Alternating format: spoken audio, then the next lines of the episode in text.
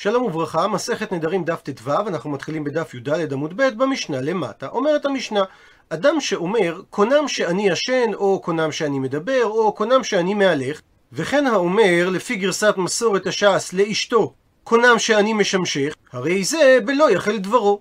הוא מסביר המפרש, אדם האומר, יאסר עליי כקורבן אם אני ישן, או אם אני מהלך, או אם אני מדבר, וכן אדם שאומר לאשתו, שיאסר עליי כקורבן יחסי אישות איתך.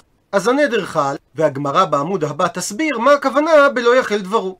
ומעיר הר"ן במקום, שבכל הלשונות במשנה שלנו צריך לומר שאני בלא י', לעומת המשך המשנה, שמדובר על שבועות ולא על נדר, ששם אותם לשונות כתובות עם י'.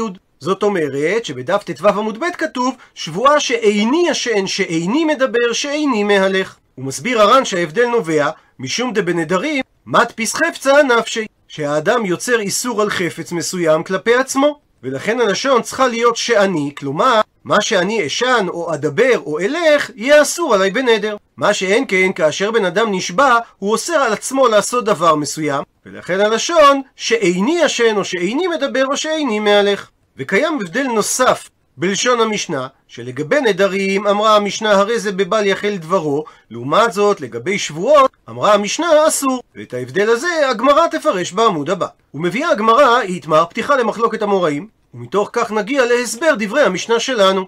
אדם שאמר קונם עיניי בשינה היום, אבל רק אם ישן למחר. זאת אומרת שהשינה של היום תהיה אסורה עליו בנדר, במידה ולמחרת הוא יישן.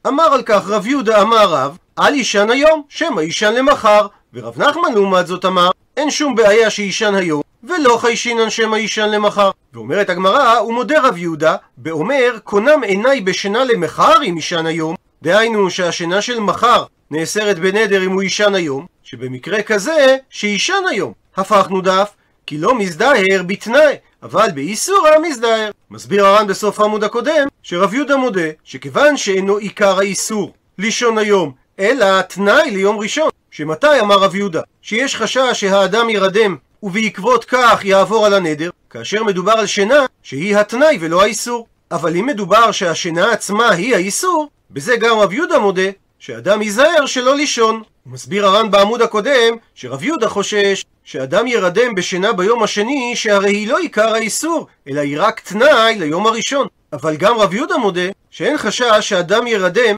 בשינה שהיא עיקר האיסור, וזה למרות שהיא לא אסורה מצד עצמה, אלא רק עם צירוף של היום הראשון. מקשה הגמרא על רב יהודה, תנן, הרי שנינו במשנה שלנו, שאדם שאמר, קונם שאני ישן, או שאני מהלך, או שאני מדבר, וכולי, הנדר חל, ואם הוא לא יקיים את הנדר, אז הוא עובר על לא יחל דברו. ועל כך שואלת הגמרא, איך היא דמי? באיזה מציאות דיברה המשנה? אילי, מה אם תאמר כדקטני, כמו שכתוב בלשון המשנה, שאני ישן, אבל בלשון הזאת, מי הווי נידרא? האם זה בכלל נדר? ולפי גרסת מסורת הש"ס והתניא, והרי שנינו בברייתא, שיש חומר בשבועות מבין דרים, שהשבועות חלות על דבר שיש בו ממש, ועל דבר שאין בו ממש, מה שאין כן בין דרים. ושינה זה הרי דבר שאין בו ממש הוא. ואם כן, מדוע אמרה המשנה שחל הנדר? אלא בהכרח שצריך להסביר את המשנה דאמר, קונם עיניי בשינה. ואז חל הנדר, כי הרי העין שנדר בו, יש בו ממש. אז קריטריון ראשון כדי שהנדר יהיה תקין, שהנדר חל על דבר שיש בו ממש. הקריטריון השני כדי שהנדר יהיה תקין, ואי דלא יאיב שיעורה. אם הוא לא נותן שיעור לזמן הנדר, מי שבקינן לי עד דעבר איסור בל יחל? הוא מסביר הר"ן בעמוד הקודם, כלומר, במציאות כזאת שהוא לא קצב את זמן הנדר, האם הנדר חל בכלל? שהרי אי אפשר לאדם להתקיים בלא שינה. והאמר רבי יוחנן שמי שאמר שבועה שלא יישן שלושה ימים, מלקים אותו משום שבועת שווא, וישן לאלתר, במידה והוא רוצה.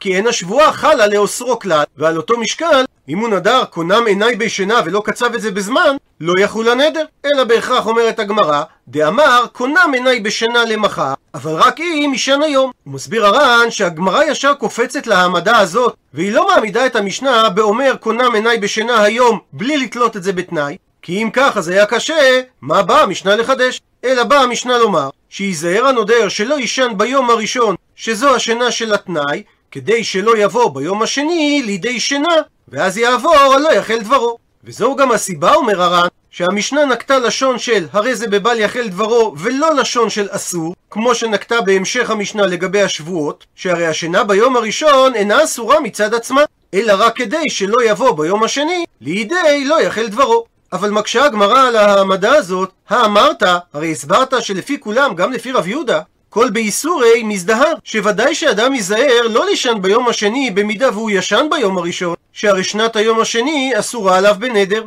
אז אם כך, אין חשש בעצם שהוא יישן ביום הראשון. אלא פשיטא, בהכרח צריך להסביר שהמשנה התכוונה, דאמרת קונם עיניי בשינה היום אם יישן למחר, שזה בדיוק המקרה שבו נחלקו המוראים. ומדייקת הגמרא, והיא לא נעים היום. והרי אם הוא לא ישן ביום הראשון, אז כי נעים למחר, כאשר הוא יישן למחר, מאי בל יחל דברו איכא.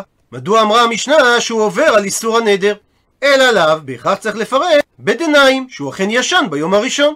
עלמא זאת אומרת, שמי שאמר קונם עיניי בשינה היום אם יישן למחר, איתא דניים. מותר לו לבוא לידי ספק שיעבור על בל יחל, כי אם הוא רצה לישון ביום הראשון, אנחנו לא אומרים לו שלא יישן, כדי שהוא לא יגיע לאפשרות שהוא יעבור על בל יחל במידה והוא יישן גם ביום השני. ואם כך, הוא טיובתא דרב יהודה. קשה על רב יהודה שהוא הרי אמר שבמקרה כזה אסור לו לישון ביום הראשון. מתרצת הגמרא כי קטני דאי נעים, שהמשנה לא התכוונה לומר שהוא יכול לישון ביום הראשון, אלא שאם הוא ישן ביום הראשון, אז במידה והוא יישן ביום השני הוא עובר על לא יחל דברו. ואדרבה, לפי זה המשנה באה להשמיע לנו את דעתו של רב יהודה, שהוא ייזהר שלא יישן ביום הראשון, כי אם הוא יישן, קרוב הוא לבוא לידי בל יחל דברו, שהרי בשנת התנאי של היום הראשון הוא לא נזהר. רבינה אמר שניתן לתרץ תירוץ אחר כיצד רב יהודה מסתדר עם המשנה שלנו. לעולם כדקטני. אפשר להשאיר את המשנה בלשונה, ולא צריך לשנות שהנודר אמר קונם עיניי בשינה. אלא שהוא אמר שאני ישן. וזה למרות שאמרנו שבשינה אין ממש, ונדר לא יכול לחול על דבר שאין בו ממש, מפני ומה על בל יחל? למה התכוונה המשנה כשהיא אמרה שהוא יעבור על בל יחל? מדרבנן, שאומנם מדאורייתא הנדר לא חל, אבל מדרבנן החמירו גם במקרה כזה שהוא יעבור על לא יחל דברו. וזו גם הסיבה שנקטה המשנה לשון הרי זה בלא יחל דברו ולא נקטה המשנה לשון אסור כמו בשבועות בהמשך המשנה משום שבשבועות זה אסור מדינה מה שאם כן בנדרים זה לא נאסר אלא מדרבנן ומקשה על כך הגמרא ומי איכא האם יש דבר כזה בל יחל מדרבנן? עונה הגמרא אין אכן יש דבר כזה והתניא וכן מצאנו בברייתא הבאה דברים המותרים ואחרים נהגו בהם איסור אי אתה רשאי להתירן בפניהם, שנאמר לא יחל דברו. שאנשים שמחמירים על עצמם ואוסרים דבר שמותר מצד עצמו, אסור לבטל את מנהגם בפניהם, דהיינו שאסור לבן אדם שלא מחמיר כמוהם להתנהג בפניהם ולהקל, כי אז הוא עובר משום בל יחל. וזה למרות שוודאי שמדאורייתא זה לא איסור בל יחל, אלא בהכרח שיש איסור בל יחל מדרבנן.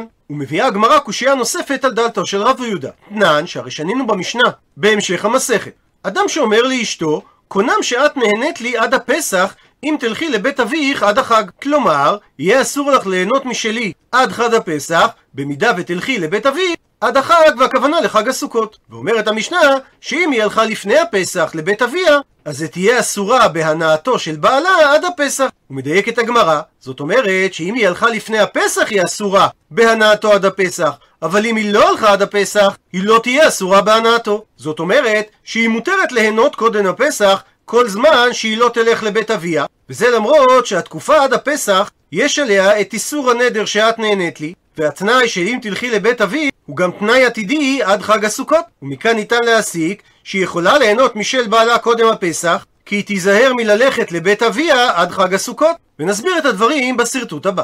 הבעל אסר על אשתו בנדר ליהנות משלו עד הפסח, במידה והיא תלך לבית אביה עד הסוכות. ואמרה המשנה שאם היא הלכה לבית אביה לפני הפסח, חל הנדר. זאת אומרת שאם היא לא הלכה לפני הפסח לבית אביה, היא יכולה ליהנות משל בעלה, כי אין חשש שהיא תלך אחרי הפסח לבית אביה.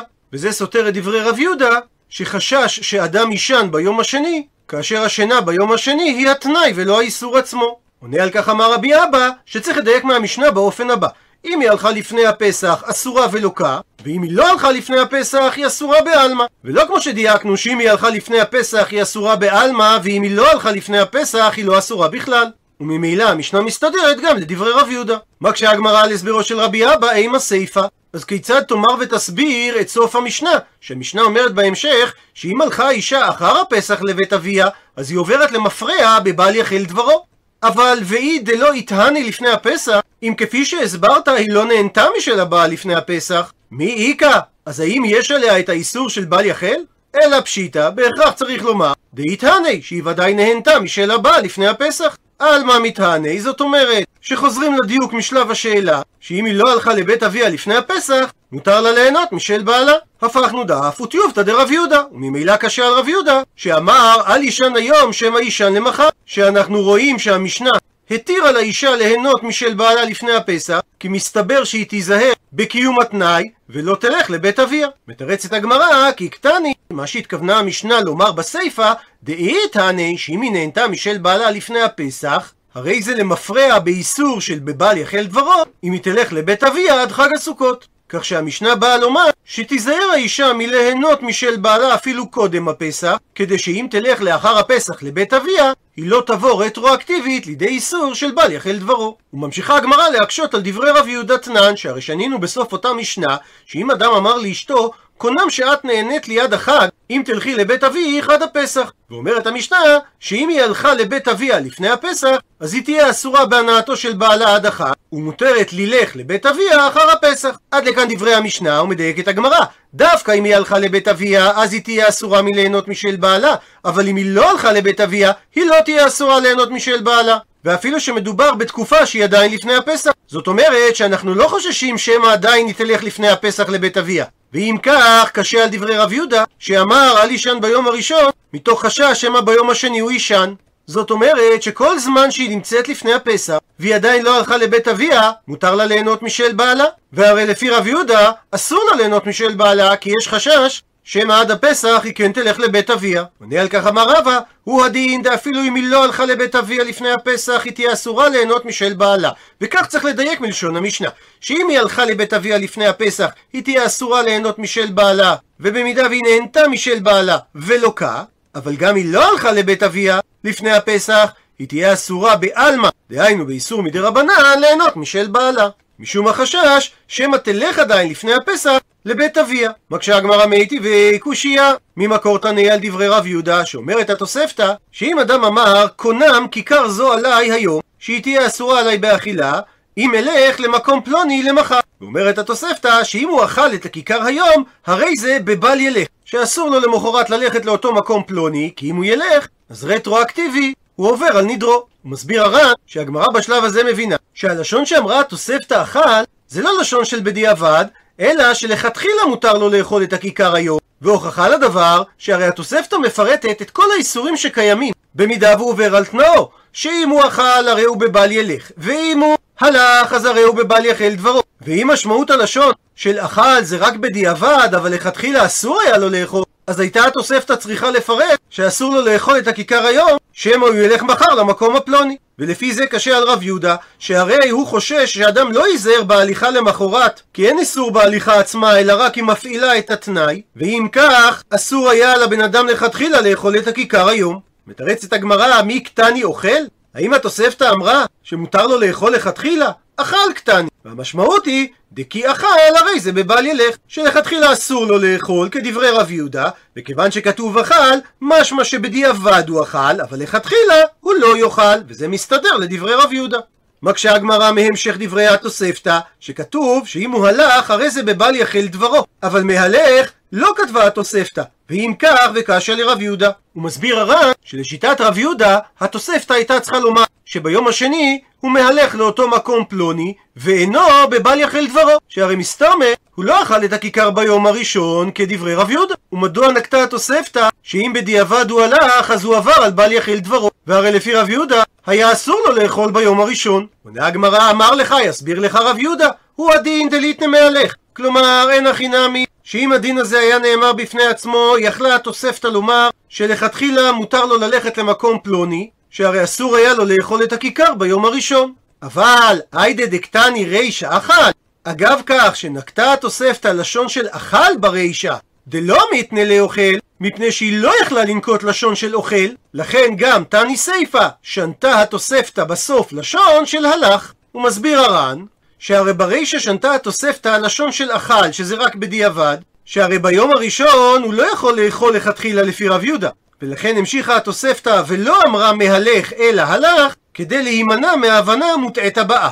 כי אם התוספתא הייתה נוקטת מהלך, אז היינו מבינים שלמרות שהוא אכל ביום הראשון, מותר לו להלך ביום השני, והוא לא עובר על איסור בל יחל. וזה יכול להיות כגון שהוא אכל ביום הראשון בשוגג, שהוא לא היה זכור בשעה שאכל שאיסור ההליכה תלוי באכילתו, ובמקרה כזה מותר לו להלך ביום השני, כפי שמוכח מהגמרא במסכת שבועות. ואז היינו מפרשים את הרישא, שמתי יש עליו איסור של בל ילך כשהוא אכל במזיד. דהיינו שהוא זכר שאיסור ההליכה תלוי באכילתו. ומכיוון שהתנא לא רצה להשמיע לנו את החילוק בין אכילה למזיד לאכילה בשוגג, למרות שזה חילוק נכון, הוא נקט בסיפא של התוספתא לשון של הלך, שזה בדיעבד ולא לכתחילה.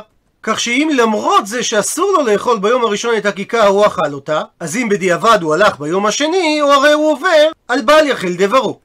ציטוט מהמשנה, האומר לאישה קונם שאני משמשך, הרי זה בבל יחל דברו. דהיינו שאם הוא משמש עמה, אז הוא עובר על הלאו של בל יחל דברו. מקשה על כך הגמרא, והמשתעבד לה מדאורייתא. כיצד הנדר הזה חל? והרי אדם נשוי משועבד ליחסי אישות עם אשתו, דכתיב שאירע כסותה ועונתה לא יגרע. מתרצת הגמרא שמדובר באומר הנאה תשמישך עליי, והא לא קניך לבית תשמיש. והוכחה שבאופן הזה חל הנדר, דאמר רב כהנא, שאישה שאמרה לבעלה תשמישי עליך, כופים אותה ומשמשתו, והסיבה דשעבודי משעבדת לי. אבל אם היא אמרה לבעלה, הנאה תשמישך עליי, אז במקרה כזה אסור התשמיש, שאין מאכילים לו לאדם דבר האסור לו. הוא מסביר הר"ן, שאכן אם האדם אמר קונם שאני משמשך, שהוא אוסר את גופו עליה, במקרה כזה הנדר לא חל, שהרי מדאורייתא הוא משועבד לה, כמו כל אדם נשוי שמשועבד לאשתו ליחסי אישות. והוא לא יכול לאסור את זה עליה, שהרי זה כמו מי שאוסר את נכסי חברו על חברו. אלא שכאן במשנה מדובר, שהוא אומר, הנאה תשמישך עליי. דהיינו, שהוא אוסר על עצמו את התשמיש איתה. והרשות בידו של כל אדם לאסור דברים על עצמו. וכדרב כהנא, שאמר שיש מציאות שהאישה יכולה לאסור את הנאת תשמיש בעלה עליה, למרות שהיא משועבדת ליחסי אישות עם בעלה מכוח הנישואים, וזה כאשר היא אומרת, קונם הנאת תשמישך עליי. שהיא אוסרת את ההנאה שיש לה מתשמישו על עצמה, שהרי הרשות בידה לאסור את הדבר על עצמה, וזה גורם שאסור לו לשמש עמה, כי אין מאכילים לו לאדם דבר האסור לו. אז על אותו משקל, כאשר הבעל אומר קונם הנאה תשמישך עליי, הנדר חל, ובגלל שאין מאכילים לו לאדם דבר האסור לו, אז אסור לאישה לשמש עמו, מפני שנהנה ממנה. עד לכאן דף ט"ו